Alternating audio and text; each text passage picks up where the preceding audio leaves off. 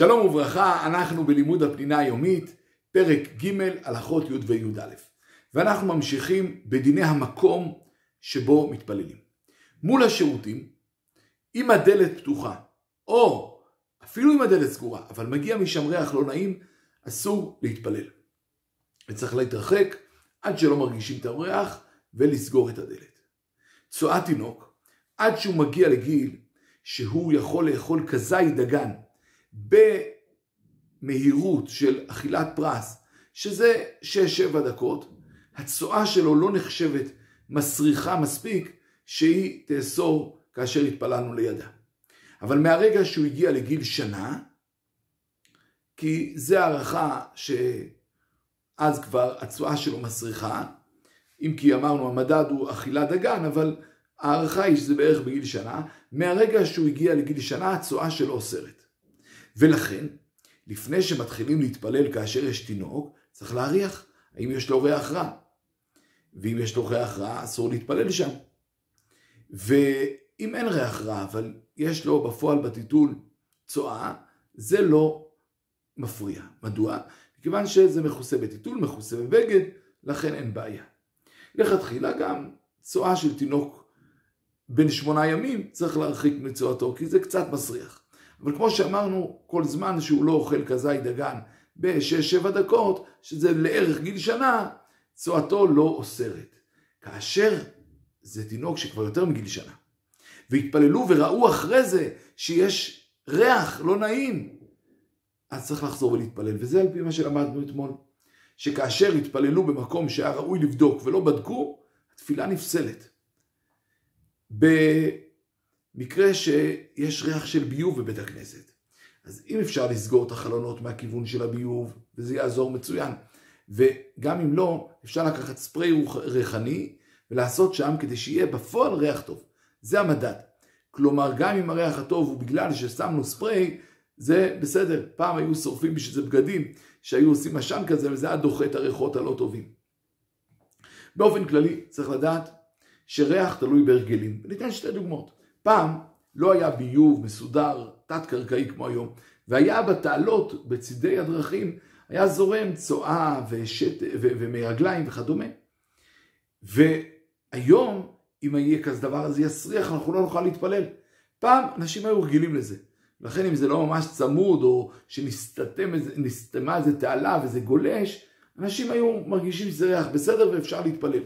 כלומר, הריח תלוי בהרגלים. לכן במושבים שבהם יש רפתות או לולים, אם זה לא זמן מיוחד, שיש איזה ריח רע, הם רגילים לריח של הרפת והלול, ואדם אחר, שהוא מגיע מעיר, הוא מריח, הוא אומר, מה זה, יש פה ריח מסריח. כלומר, זה תלוי בהרגלים. וכמו שאמרנו, אפשר לשים איזה ספרי ריחני, ודי בזה. אז זה לגבי, כמו שאמרנו, הריחות.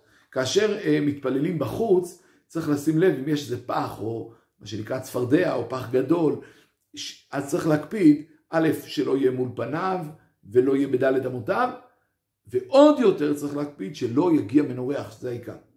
שלא יגיע ממנו ריח רע, כי צריך ריח רע צריך להתרחק עד מקום שכלה הריח. אז זה לגבי הדינים האלה. יש עוד דין מאוד חשוב, שלא להתפלל מול ערווה. כתוב בתורה, והיה מחנך קדוש, ולא יראה בך ערוות דבר, ושב, הקדוש ברוך הוא, מאחוריך. לכן אלה צריך לדאוג שלא יהיה ערווה. מה זה אומר?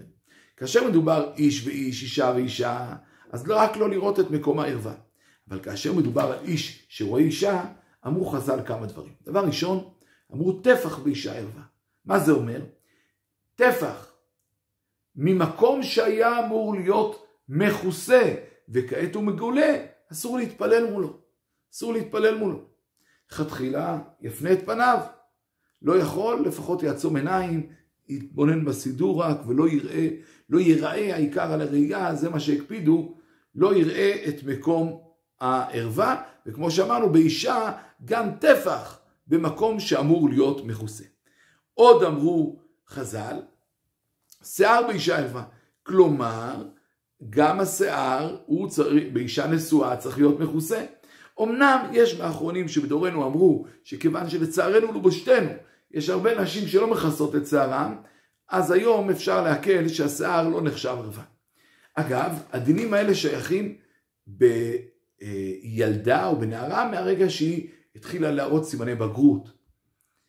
שהיא עוד ילדה, אין את הדינים האלה, למרות שוודאי צריך כבר להתחיל לחנך אותה לצניעות, אבל אין את הדינים האלה שאסור, אה, אה, שאסור להתפלל מולה. עוד דין זה קול באישה ערווה, אמרנו טפח באישה ערווה, שיער באישה ערווה וקול באישה ערווה. אז אישה ששרה, אסור אה, אה, להתפלל אה, במקום ששומעים את שירתה. אם זה דרך הרדיו, אז בדיעבד זה לא אוסר ואפשר להתפלל. אבל אם זה שירה חיה של אישה, אסור להתפלל כי טפח באישה ערווה ושיער באישה ערווה וגם קול באישה ערווה. ולכן עם אלה צריך להקפיד גם על הדבר הזה. מה יעשה אדם, ונסיים בשאלה, מה יעשה אדם שהוא עכשיו רוצה להתפלל, ומולו יש נשים שלבושות לא בצניעות. מה הוא יעשה? מה הדבר הלכתחילה שהוא יעשה, ומה הדבר השני שאם הוא לא יכול לעשות דבר ראשון, הוא יעשה.